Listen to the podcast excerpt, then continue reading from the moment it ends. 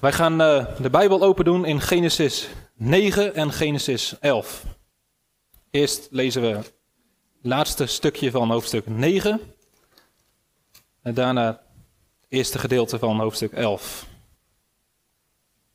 Genesis 9 en we beginnen te lezen bij vers 18.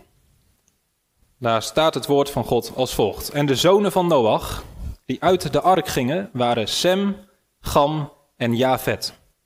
Gam is de vader van Canaan. Deze drie waren de zonen van Noach, en uit hen is heel de aarde bevolkt. En Noach werd landbouwer en plantte een wijngaard. Hij dronk van de wijn en werd dronken. En hij ontkleedde zich midden in zijn tent. En Gam, de vader van Canaan, zag de naaktheid van zijn vader en vertelde het aan zijn broers buiten. Toen namen Sem en Jafet een kleed, legden het op hun beide schouders, liepen achteruit en bedekten de naaktheid van hun vader, met het gezicht afgewend, zodat zij de naaktheid van hun vader niet zagen. Toen ontwaakte Noach uit zijn roes en kwam hij te weten wat zijn jongste zoon hem had aangedaan. Hij zei, vervloekt is Canaan. Laat hij voor zijn broers een dienaar van dienaren zijn. Ook zei hij, gezegend is de Heere, de God van Sem. Laat Canaan een dienaar voor hem zijn. Laat God Jafet uitbreiden en laat hij in de tenten van Sem wonen. En laat Canaan voor hem een dienaar zijn. En Noach leefde na de vloed 350 jaar. Zo waren al de dagen van Noach 950 jaar. En hij stierf. En dan gaan we verder in hoofdstuk 11 en daarvan lezen we vers 1 tot en met 9. Dat is de geschiedenis van de toren van Babel. Heel de aarde had één taal en eendere woorden. En het gebeurde toen zij naar het oosten trokken, dat zij een vlakte in het land Sinear vonden. Daar gingen zij wonen. En ze zeiden alle tegen elkaar: Kom, laten wij kleiblokken maken en die goed bakken. En de kleiblokken dienden hun tot steen en het asfalt diende hun tot leem. En ze zeiden: Kom, laten wij voor onze stad bouwen en een toren waarvan de top in de hemel reikt. En laten wij voor ons een naam maken. Anders worden wij over heel de aarde verspreid. Toen daalde de Heere neer, om de stad en de toren te zien die de mensenkinderen aan het bouwen waren. En de Heere zei, zie, zij vormen één volk en hebben allen één taal. Dit is het begin van wat zij gaan doen. En nu zal niets van wat zij zich voornemen te doen voor hen onmogelijk zijn. Kom, laten wij neerdalen en laten wij hun taal daar verwarren, zodat zij geen van allen elkaars taal zullen begrijpen. Zo verspreidde de Heer hen vandaar over heel de aarde. En zij hielden op met het bouwen van de stad. Daarom gaf men haar de naam Babel, want daar verwarde de Heer de taal van heel de aarde. En vandaar verspreidde de Heer hen over heel de aarde. Tot zover onze schriftlezing. Wij zullen in de preek deze twee gedeelten doornemen. Tussendoor kijken we ook nog wat er in hoofdstuk 10 aan belangrijke informatie staat. En ik heb als thema gekozen een nieuwe zondeval en een opeenstapeling van zonde. En die nieuwe zondeval die zien we in hoofdstuk 9, wat we hebben gelezen. En die opeenstapeling van zonde, dat is een verwijzing naar figuurlijk de opklimming van de torenbouw van Babel. Dus een nieuwe zondeval en een opeenstapeling van zonde. We hebben de laatste keren stilgestaan bij de zondvloed. En uh, vorige week zondagavond zagen we dat na de zondvloed God een nieuwe schepping maakt. Wat lijkt op de eerste schepping in Genesis 1. God maakt een nieuw begin. En dat begint bij Noach. Nu heb ik vorige week zondagavond uh, dingen gezegd en ik wil op twee punten even terugkomen. Allereerst in uh, Genesis 9, vers 2 zei God tegen Noach: Vrees en schrik voor u zal er zijn bij alle dieren. En daar klinkt iets negatiefs in door. En ik heb erover gezegd dat dat ook ermee te maken heeft dat wij als mensen dieren mishandelen, uitroeien, uitbuiten. En dat is een generalisatie, wat wij als mensen in het algemeen doen. Maar daarmee wil ik niet zeggen natuurlijk dat wij alleen maar als mensen slecht zijn voor dieren. En uh, boeren kunnen goed voor hun vee zorgen, dat geloof ik absoluut. Maar ik dacht meer aan de kap van tropische regenwouden bijvoorbeeld, waar leefgebieden van dieren door verdwijnen en die soorten uitsterven. En het tweede, ik heb iets gezegd over uh, vlees en bloed. En uh, ik meende dat dat rode vocht in, in vlees bloed was. Maar dankzij wat feedback vanuit jullie ben ik erachter gekomen dat dat een misverstand is. En dat wij dus ook vlees eten waar eigenlijk geen bloed in zit. dat maakt die opdracht van God tegen Mozes, je mag geen vlees met bloed eten, dus iets makkelijker ook voor ons om toe te passen. Ja? Oké, twee punten waar ik even op terug wilde komen om misverstanden te voorkomen. En iets te corrigeren. We gaan verder met de geschiedenis van Noach. We slaan een stukje over en dat is het stukje wat gaat over de regenboog. God had gezegd, ik zal de aarde nooit meer door een watervloed laten vergaan. En als teken daarvan geef ik een boog in de wolken. Als teken van trouw. Nou, dat gedeelte sla ik over. Volgens mij heb ik daar vorig jaar met Dankdag ook over gepreekt. En we gaan dus verder met uh, het gedeelte wat we hebben gelezen. En dat is eigenlijk de laatste geschiedenis die over Noach gaat. En tegelijkertijd is het ook een soort uh, overloopgeschiedenis waar de focus komt te liggen op de zonen van Noach. En dat maken de eerste versen ook duidelijk. Nou, laatste vooral over Noach. En er staat in vers 20: Noach werd landbouwer en plantte een wijngaard. Nou, op het eerste gezicht, als je deze geschiedenis leest, er gebeuren natuurlijk wel wat dingen.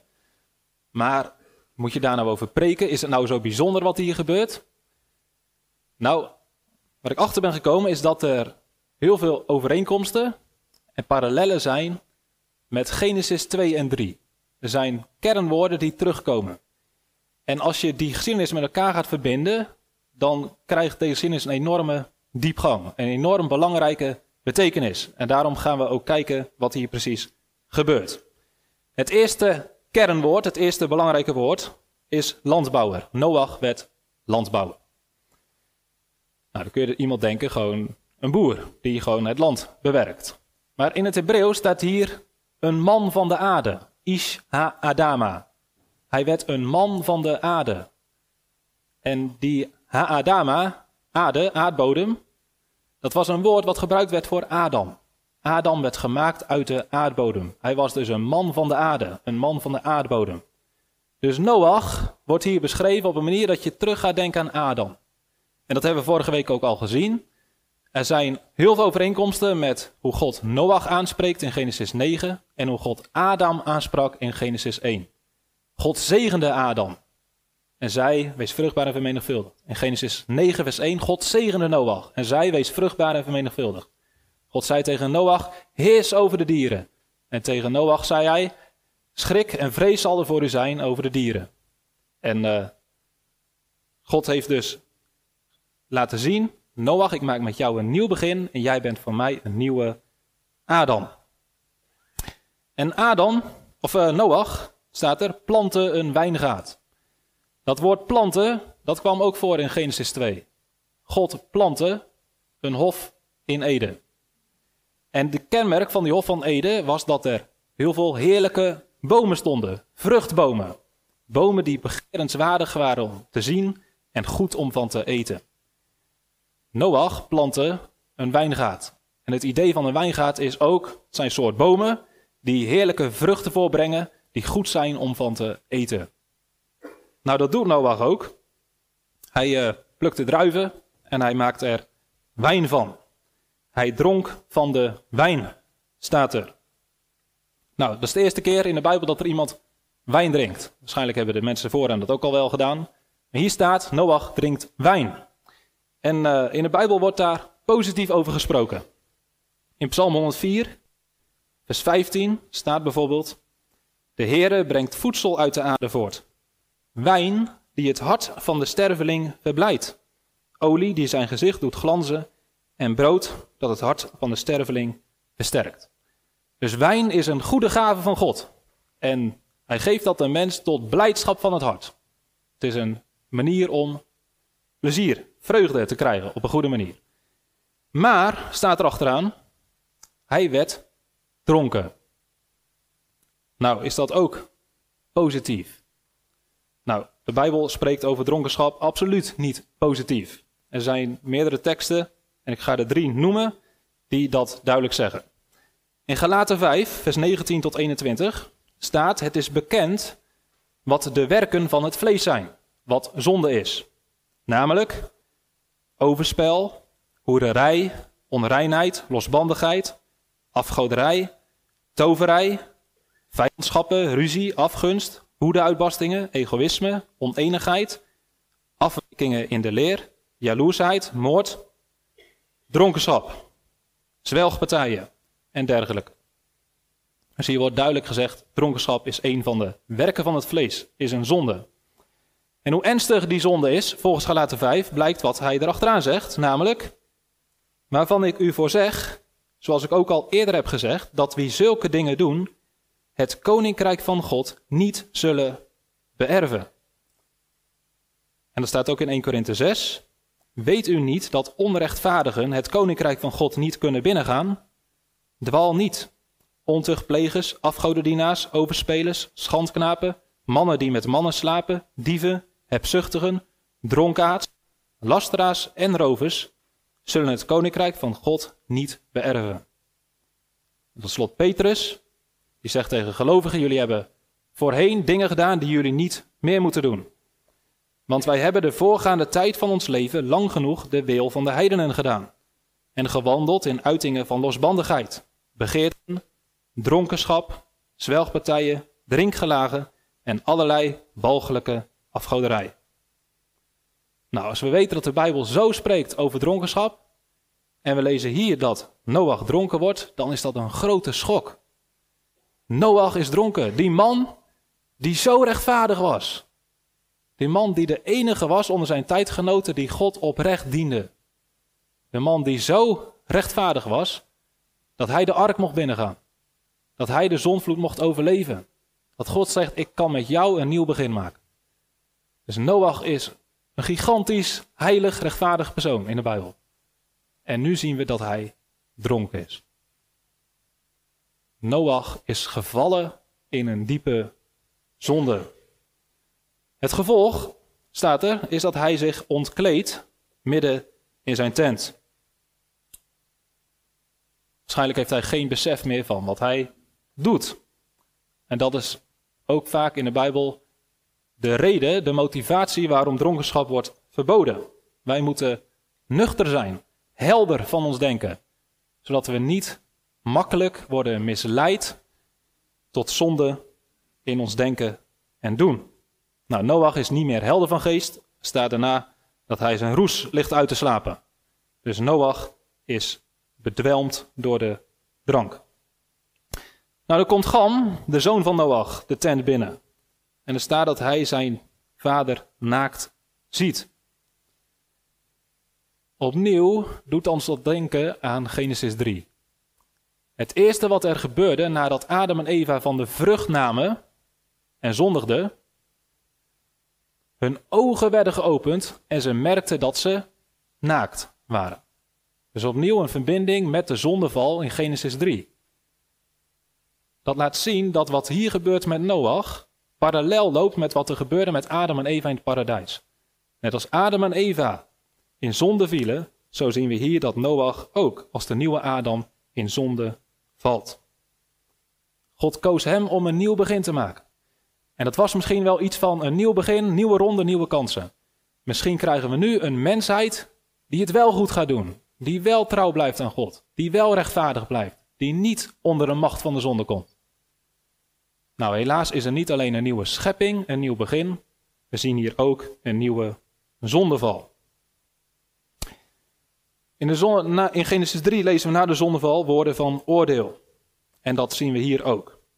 Nadat Noach wakker wordt, komt hij te weten wat zijn jongste zoon, en dat is Gam, hem heeft aangedaan. En hij zegt, vervloekt is Canaan. Is opvallend dat hij niet zegt, vervloekt is Gam. Want Gam had het toch gedaan. Waarschijnlijk wat hier het probleem was van Gam was dat hij naar buiten ging en zijn broers vertelde. Hij ging ermee spotten. Hij ging erom lachen. In plaats dat hij het probeerde te bedekken. Maar goed, hij wordt vervloekt. Maar de naam die wordt genoemd is Canaan. En uh, twee keer hiervoor in de tekst is gezegd dat Gam de vader is van Canaan. Dus het is een link tussen vader en zoon. Straks, bij Genesis 10, ga ik hier nog meer over zeggen. Waarom hier Canaan wordt genoemd. Canaan heeft later in de Bijbel een hele belangrijke betekenis gekregen. Hij wordt vervloekt. Dat doet ons ook denken aan Kain. Na de zondeval is de eerste persoon die vervloekt wordt Kain. Na de doodslag van Abel wordt hij vervloekt. Hier wordt ook iemand vervloekt. Canaan. Tegenover die vloek staat de zegen. We lezen in vers 26 en vers 27 dat Sem en Jafet worden gezegend. Want zij hebben de schaamte van hun vader bedekt. Ze hebben een kleed genomen en zonder te kijken hebben ze dat kleed over hem neergelegd. En daarin lijken zij op God, want God had in Genesis 3 ook Adam en Eva bedekt met kleding. Dat is hoe het moet. Nou, we kunnen hier twee uh, toepassingen uitmaken. Ten eerste de verkeerde houding van Gam.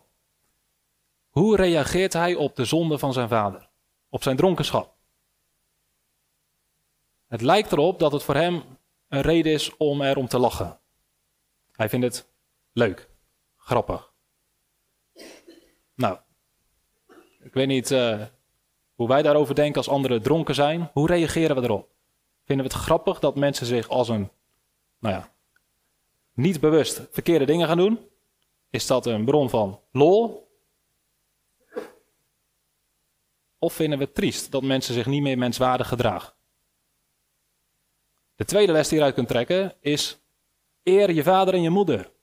Sem en Jafet eerden hun vader. Ook al gedroeg hij zich op een dwaze, schaamteloze manier. Zij zeiden: Wij respecteren onze vader. Wij eren hem. En we nemen een kleed om zijn schaamte te bedekken. Eer je vader en je moeder. Dat is het gebod wat God heeft gegeven met een belofte. Nou, dit zijn de drie zonen van Noach dus. Sem, Gam en Javet. In Genesis 10 wordt uitgebreid beschreven wat hun nakomelingen allemaal zijn. En waarom is dat belangrijk? Nou, alle volken, alle mensen die op de wereld bestaan, zijn uit deze drie zonen voortgekomen. En het is natuurlijk interessant om te weten uit welke zoon wij voortkomen. Van wie zijn wij nakomelingen? Van Sem, van Gam of van Javet? Nou, als je Genesis 10 gaat lezen, dan kom je erachter. Er wordt namelijk bij elke zoon wordt beschreven welke volken uit hun zijn voortgekomen. De eerste zoon die wordt beschreven in Genesis 10 is Javet. Vanaf vers 2. Dit zijn de zonen van Javet. En uh, er staan allemaal namen. En uh, als je kijkt welke volken daar nu bij horen, dan staat er in vers 5: dit zijn degenen die zich over de kustlanden van de volk hebben verspreid.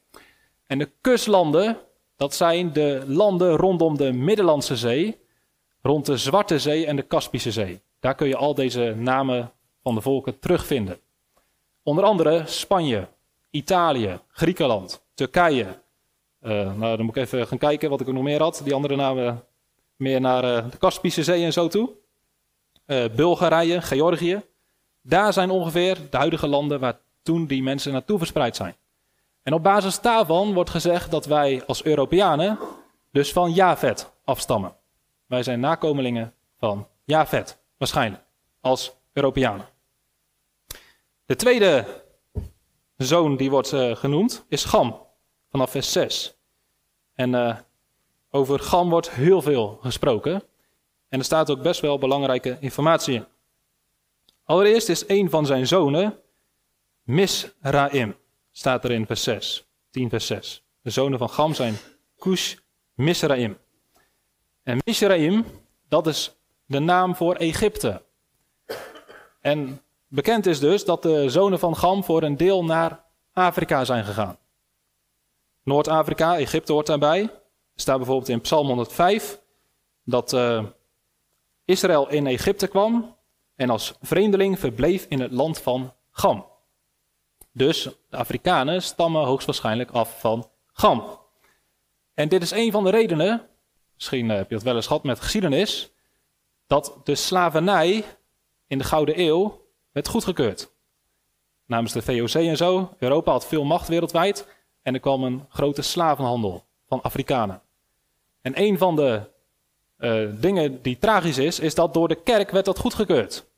En men beriep zich daarvoor onterecht op deze tekst in Genesis 9 en 10. Men zei, de Afrikanen zijn immers nakomelingen van Gam en Gam werd vervloekt. En er stond toch dat de nakomelingen van Gam een dienaar van Sem en Javet moesten zijn, slaaf. Dus wij kunnen dit goedkeuren. Dat is helemaal onterecht geweest. Uh, zeker ook omdat Canaan is geen Afrikaan geworden. Het is wel waar dat de mensen in Afrika waarschijnlijk van Gam afstammen. Maar degene die vervloekt wordt in Genesis 9 is niet Gam, maar Canaan.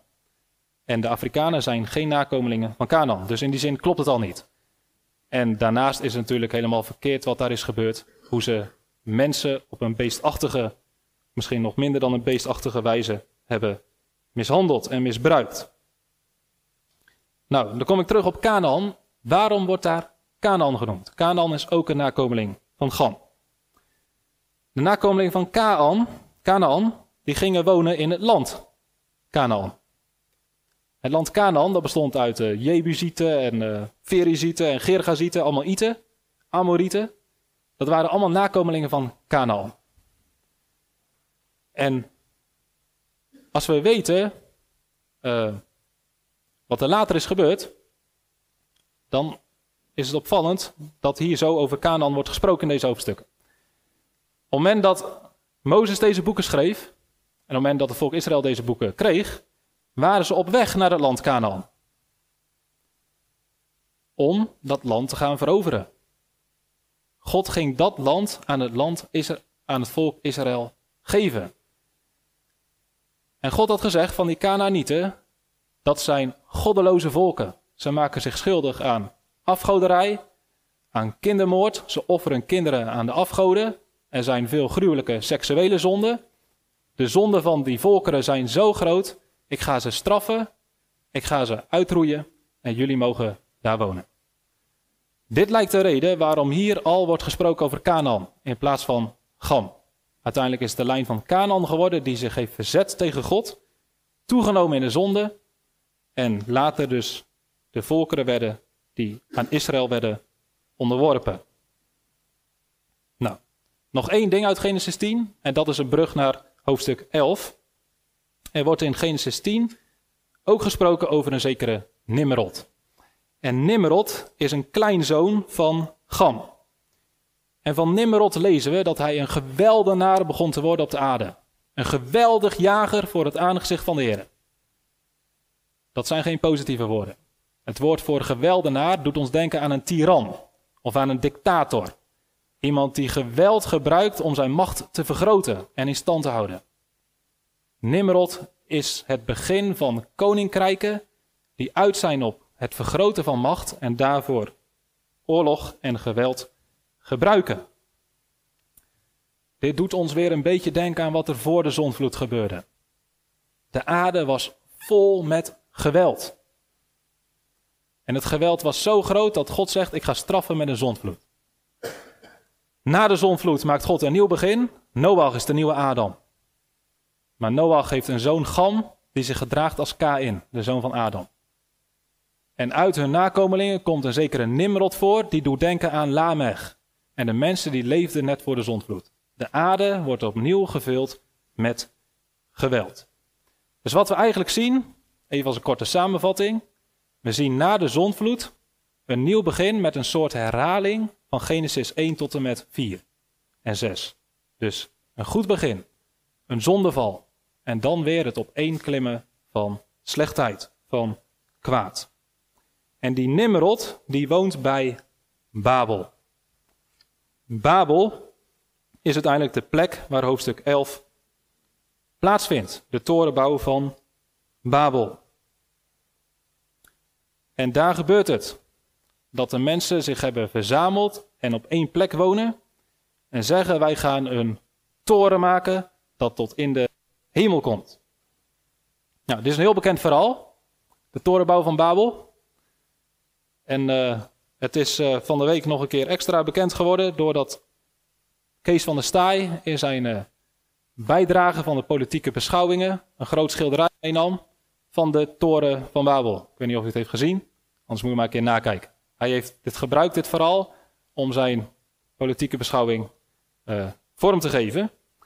Dus uh, in ieder geval de mensen die daar in de regering zitten, die kennen dit verhaal. En de mensen die dat hebben gezien, oh, het is een heel bekend verhaal. En uh, het is ook een belangrijk verhaal, een relevant verhaal. En ik denk dat Kees van der Staaij dat ook duidelijk heeft gemaakt. Het is actueel. Dit is iets wat hier gebeurt, wat vandaag de dag nog steeds gebeurt. Iets waar, wat we moeten kunnen herkennen. Wat staat hier namelijk? Wat wordt hier beschreven? Je zou kunnen zeggen, hier wordt een samenleving beschreven die zonder God is. Of nog scherper gezegd, hier wordt beschreven wat de kenmerken zijn van een anti-God samenleving. Een samenleving die niet alleen zegt wij hebben God niet nodig, maar ook een samenleving die zich eigenlijk verzet tegen God. Die rebelleert tegen God. Een anti-God samenleving. Tegelijkertijd geeft deze gebeurtenis ook een verklaring voor het feit dat er vandaag de dag zoveel talen worden gesproken. Er zijn duizenden talen wereldwijd. Hoe kan dat? Waarom zijn we niet allemaal gewoon mensen gebleven die één en dezelfde taal spreken? Dat was tot aan de zondvloed wel zo. Tot op dit moment. Hoe is het gekomen dat we nu Duits moeten leren en Engels en dat de mensen Chinees praten en Russisch en dat we er niks van kunnen verstaan? Niks van kunnen begrijpen, tenzij je dus goed je best doet en de talen gaat leren. Nou, hier worden beschreven, want Genesis 11 begint met het feit dat alle mensen één taal spreken.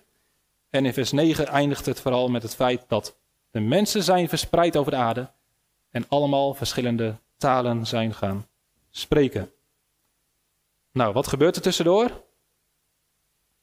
Kom, klinkt het regelmatig in deze, in deze versen. Kom, laten wij. Mensen spreken tot elkaar met het voornemen om samen plannen te maken en die uit te voeren. Kom, zeggen ze allereerst. Laten we stenen gaan bakken. Laten we bakstenen gaan maken. Nou, bakstenen, dat is stevig materiaal. Waarschijnlijk hebben ze hiervoor altijd nog gebouwd. Gewoon met hout en zo.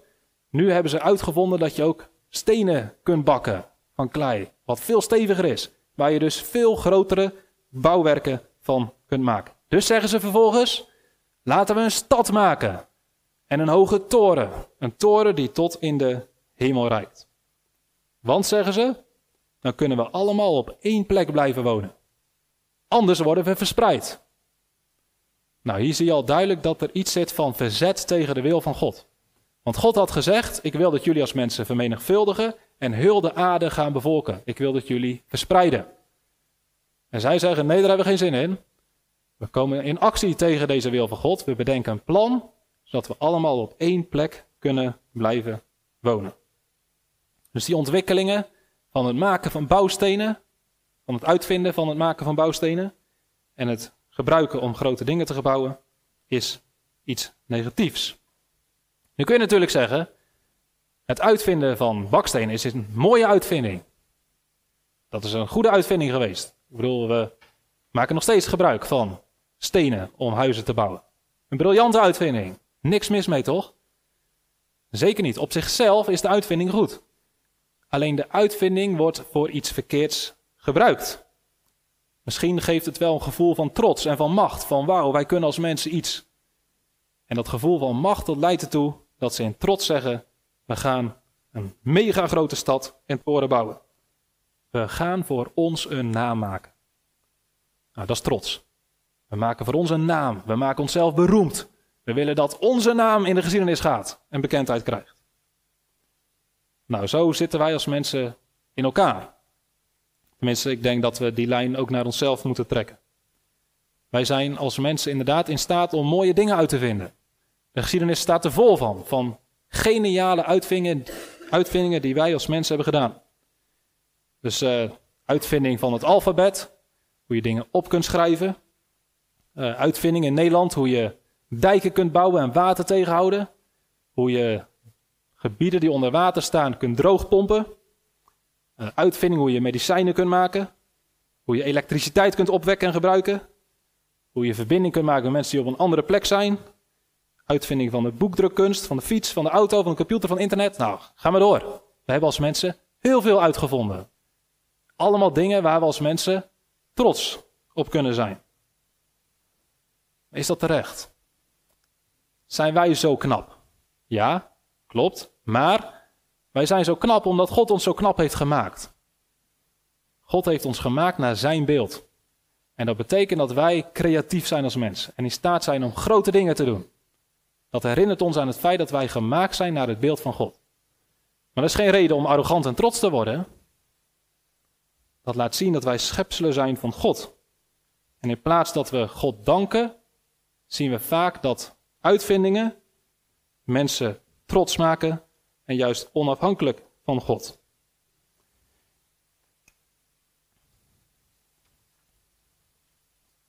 Nou, dat zien we ook in Genesis 11. Het wordt een samenleving die gedreven wordt door trotse ambities.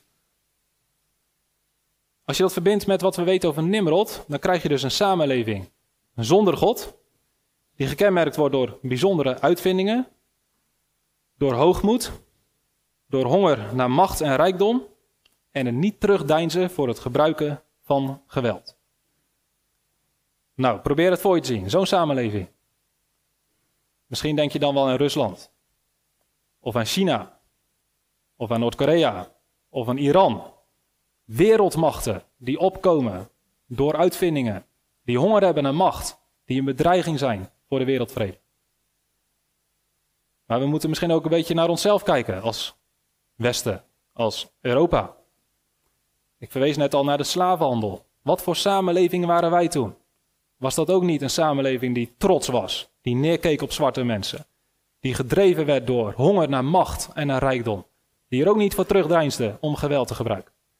Waren wij ook niet een samenleving die leek op de samenleving van de torenbouw van Babel? En vandaag de dag, wat zijn wij nu voor macht? Europa.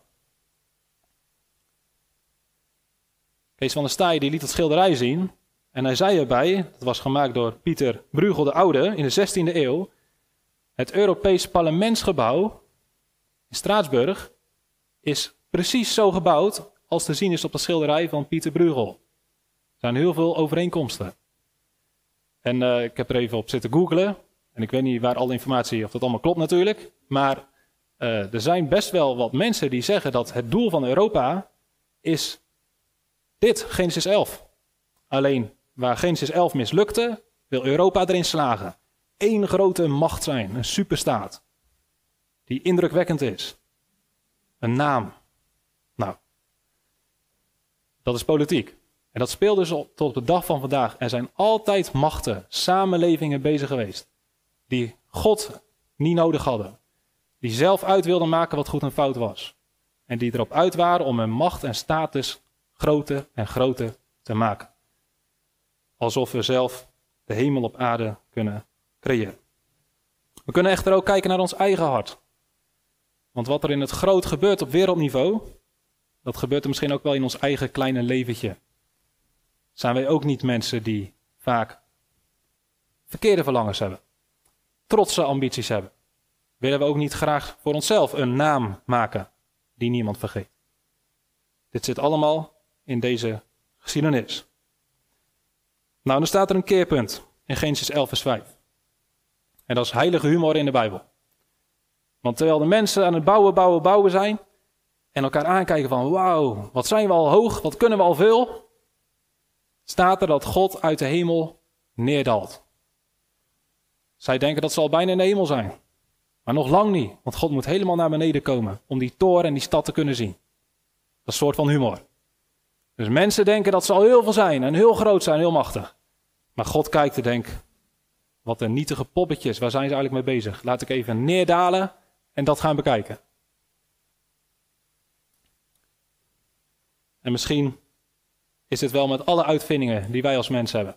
Waar wij zo trots op zijn, wat wij als mensen wel niet kunnen, dat God er een beetje om moet lachen. Ik zag van de week een prachtige vergelijking met een maanlander en een bacteriovaag.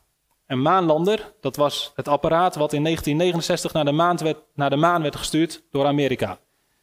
En er was negen jaar over gedaan om die maanlander te bouwen. Om die naar de maan te kunnen sturen. En dat is gelukt. En dat was een reden van trots voor Amerika. En ze waren eerder dan Rusland zogenaamd, dachten ze. Weet ik niet wat echt waar is, daar is altijd discussie over. Maar wij zijn de supermacht. Trots op een maanlander. En uh, dat was een wetenschapper die dat zei. Die zei, ik heb uh, colleges gehad. En toen zag ik op een gegeven moment de afbeelding van een bacteriofaag. En dat kun je met het blote oog niet zien. Dat is een piepklein, piepklein levend wezen. En die, als je die uitvergroot, dan heeft hij precies beetje dezelfde bouw als zo'n maanlander. Er zijn heel veel overeenkomsten. Maar die bacteriofaag, die is nog vele malen complexer en ingewikkelder dan die maanlander. Want die maanlander, als die kapot gaat, kan zichzelf niet repareren. Die bacteriofaag kan zichzelf wel repareren. Die maanlander kan zichzelf niet vermenigvuldigen. Hij kan er niet voor zorgen dat er nog meer maanlanders komen. Die bacteriofaag kan zichzelf wel voortplanten, vermenigvuldigen. En uh, uh, die maanlander die moest door computers worden aangestuurd door mensen. Maar die bacteriofaag wordt door niemand aangestuurd. Die stuurt zichzelf aan. Dus hij zegt eigenlijk waar mensen negen jaar over hebben gedaan, miljarden in hebben geïnvesteerd, topwetenschappers voor nodig waren om iets te bouwen. Uiteindelijk is het resultaat iets wat eigenlijk, nou ja, niet zoveel voorstelt als je vergelijkt met het kleinste levende wezen wat wij kennen. En waarvan uh, evolutie mensen zeggen dat het aan het begin staat van alle leven. Dat is zo complex. Nou, zo kun je meer voorbeelden benoemen. Van wat wij als mensen hebben uitgevonden. Uiteindelijk valt het in een niks bij wat God heeft uitgevonden. Denk aan alle informatie die wij tegenwoordig kunnen opslaan. Met softwareprogramma's. Maar als je kijkt naar ons DNA, hoeveel informatie in ons lichaam is opgeslagen, op hoeveel kleine oppervlaktes, dat is vele malen complexer dan wat mensen nu hebben bereikt met informatieopslag digitaal. Of misschien een ander voorbeeld. Misschien kun je het wel vergelijken, de torenbouw van Babel met een kindje wat van Lego-blokjes een toren aan het maken is. En op een gegeven moment heeft hij een toren, daar is hij zelf geweldig trots op. Maar als je volwassenen naar kijkt, je kunt in één veeg kun je het zo weggooien. Zo kijkt God naar die torenbouw van Babel. De mensen kijken, wauw, wat hoog, wat groot, wat indrukwekkend. En God kan met één beweging die toren weg doen. Ja, dus wij als mensen zijn echt klein en nietig. En al onze grootheid, waanzin, is een illusie in de ogen van God. God daalt neer om die toren te kunnen zien. Tegelijkertijd wordt er niet ontkend dat wij als mensen tot veel in staat zijn. God zegt ook, de mensen zijn één, ze kunnen alles doen wat ze willen. Ze zijn tot heel veel in staat. En dat is negatief. Want als wij kwade bedoelingen hebben en we kunnen die kwade plannen ook werkelijk uitvoeren, dan is dat een groot probleem. En dat is de reden dat God zegt: Dit ga ik verhinderen. En ook hij zegt: Kom, kom, laten wij neerdalen en laten wij hun tal verwarren. En God verhindert deze plannen van de mens. Hij laat het op zekere hoogte toe dat antichristelijke maatschappijen groeien en zich ontwikkelen en macht krijgen. Maar God bepaalt uiteindelijk hoe ver ze gaan. En hij kan de plannen van mensen volledig in stukken breken. Zoals ik al zei, deze geschiedenis die laat niet alleen een samenleving toen zien. Heel de geschiedenis door zijn er zulke samenlevingen geweest. Anti-christelijke grote machten. Die voor zichzelf een naam probeerden te maken. Goddeloze koninkrijk. Er zal echter een moment komen dat dat voorbij is. Dat alle antichristelijke grote machten teniet worden gedaan. En daarover lezen we in Openbaring 18. De val van Babel of Babylon. Dan staat er: Gelovigen, jullie moeten je wegtrekken uit deze stad, zodat je geen deel hebt aan haar zonde en van de plagen niet zult ontvangen die over deze stad zullen komen. Want haar zonden hebben zich opgestapeld tot aan de hemel. Dus God ziet hoe de mensen zondigen, zondigen, zondigen en als het ware met hun zonde een toren maken. En op een gegeven moment zegt God, de zonden zijn nu tot aan de hemel gekomen, nu is het genoeg. En nu ga ik oordelen. En dan klinkt er een stem, op één dag zullen haar plagen komen. Dood, rouw en honger, met vuur zal zij verbrand worden. Want sterk is de Heere God die haar oordeelt. En dan komt er een engel, die gooit een grote steen in de zee en zegt: Zo zal Babylon, de grote stad, met geweld worden neergeworpen. En het zal nooit meer gevonden worden. Dit is het einde van alle antichristelijke samenlevingen, alle antichristelijke machten, alle koninkrijken zonder God. Ze zullen vernietigd worden. En dan zegt de Bijbel, maar er is nog een andere stad. Er is nog een ander koninkrijk. De stad van God. Het koninkrijk waar Jezus koning is. En uh, daar gaan we mee afronden. Dat koninkrijk van God, waar Jezus koning is, dat is heel anders. Dat heeft andere uitgangspunten dan die samenleving van Genesis 11. In Genesis 11 wordt, er, uh, wordt het aangedreven door trots, door honger naar macht. Maar het koninkrijk van Jezus, dat komt heel anders. Dat komt door nederigheid en door zelfverloochening en door zwakte. Die samenleving van Babel, die klom op naar de hemel. Maar Jezus uit de hemel neergedaald naar de aarde. Hij heeft zichzelf vernederd. Hij is mens geworden, gestorven aan het kruis. En daarom staat er in de brief aan de Filippenzen, omdat Jezus zich heeft vernederd tot in de dood, heeft God hem verhoogd en heeft hem een naam gegeven boven alle naam. Deze stad, dit koninkrijk, heeft dus wel toekomst. Het koninkrijk van Babel, die probeerde zichzelf een naam te maken, op te klimmen naar de hemel. Jezus is neergedaald naar de aarde. En daarom heeft God hem een naam gegeven. En God zorgt ervoor dat deze koning onderdaan heeft. Dat die stad van Jezus Christus ook burgers krijgt. Dat deze samenleving ook bevolkt wordt door mensen. En hoe zorgt God daarvoor? Nou, het begint met de roeping van Abraham. Daar begint het grote plan van verlossing. Daar gaan we twee weken, over twee weken mee beginnen. We hebben nu wel gezien eigenlijk, hè? ik weet niet of u het heel vervelend vond. Maar eigenlijk van Genesis 3 tot 11 gaat het heel veel over zonde. En over oordeel. Over de negatieve dingen van de mens. Vanaf Genesis 12 verandert dat. Dan begint God met zijn verlossingsplan. En dat begint eigenlijk het bouwen van zijn koninkrijk. Van zijn stad. Nou, dat loopt door in het Oude Testament met de focus op Israël. Maar dan krijg je Pinksteren. En wat gebeurt er met Pinksteren? Dan komt de Heilige Geest. En de Geest spreekt alle talen. Dat is een antwoord op Genesis 11, waar alle mensen verschillende talen gingen spreken en elkaar niet meer konden verstaan. De Heilige Geest zorgt ervoor dat het evangelie wordt verkondigd in alle talen, zodat alle mensen uit alle talen, uit alle volken in deze stad van Jezus Christus kunnen komen. Is mooi hè? En het eindresultaat zal dat ook zijn. Er staat in Openbaring 18, na de val van Babylon, komt er in hoofdstuk 20 een stad uit de hemel neerdalen, de stad Jeruzalem.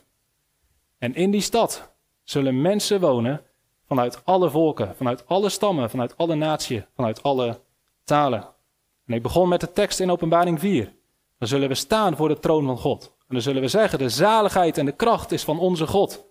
Hem zij de eer en de glorie tot in alle eeuwigheid. Dat is een samenleving waar de roem niet gaat naar ons als mensen. Waar niet wij de eer krijgen, maar waar we alle eer en aanbidding geven aan degene die het toekomt. Dat is God, de schepper van hemel en aarde. Jezus Christus zal ervoor zorgen dat deze stad komt. Dat mensen van over heel de aarde weer verzameld en verenigd worden. Om in alle verschillende talen God te loven en te prijzen. Bent u een onderdaan geworden van Jezus Christus? Verwacht u deze stad die fundamenten heeft? Als je deze stad mag kennen, dan ben je niet zo onder de indruk van al die politieke machten in deze wereld. Die hebben toch geen toekomst. Als je deze koning mag kennen, dan hoef je ook niet zo druk te maken om je eigen naam. Want onze eigen naam die is niet zo belangrijk. Maar de naam van Jezus, daar gaat het om. En als je die naam bovenaan hebt staan in je leven, als het gaat om zijn koninkrijk, dan heb je zelf ook eeuwig toekomst. Amen.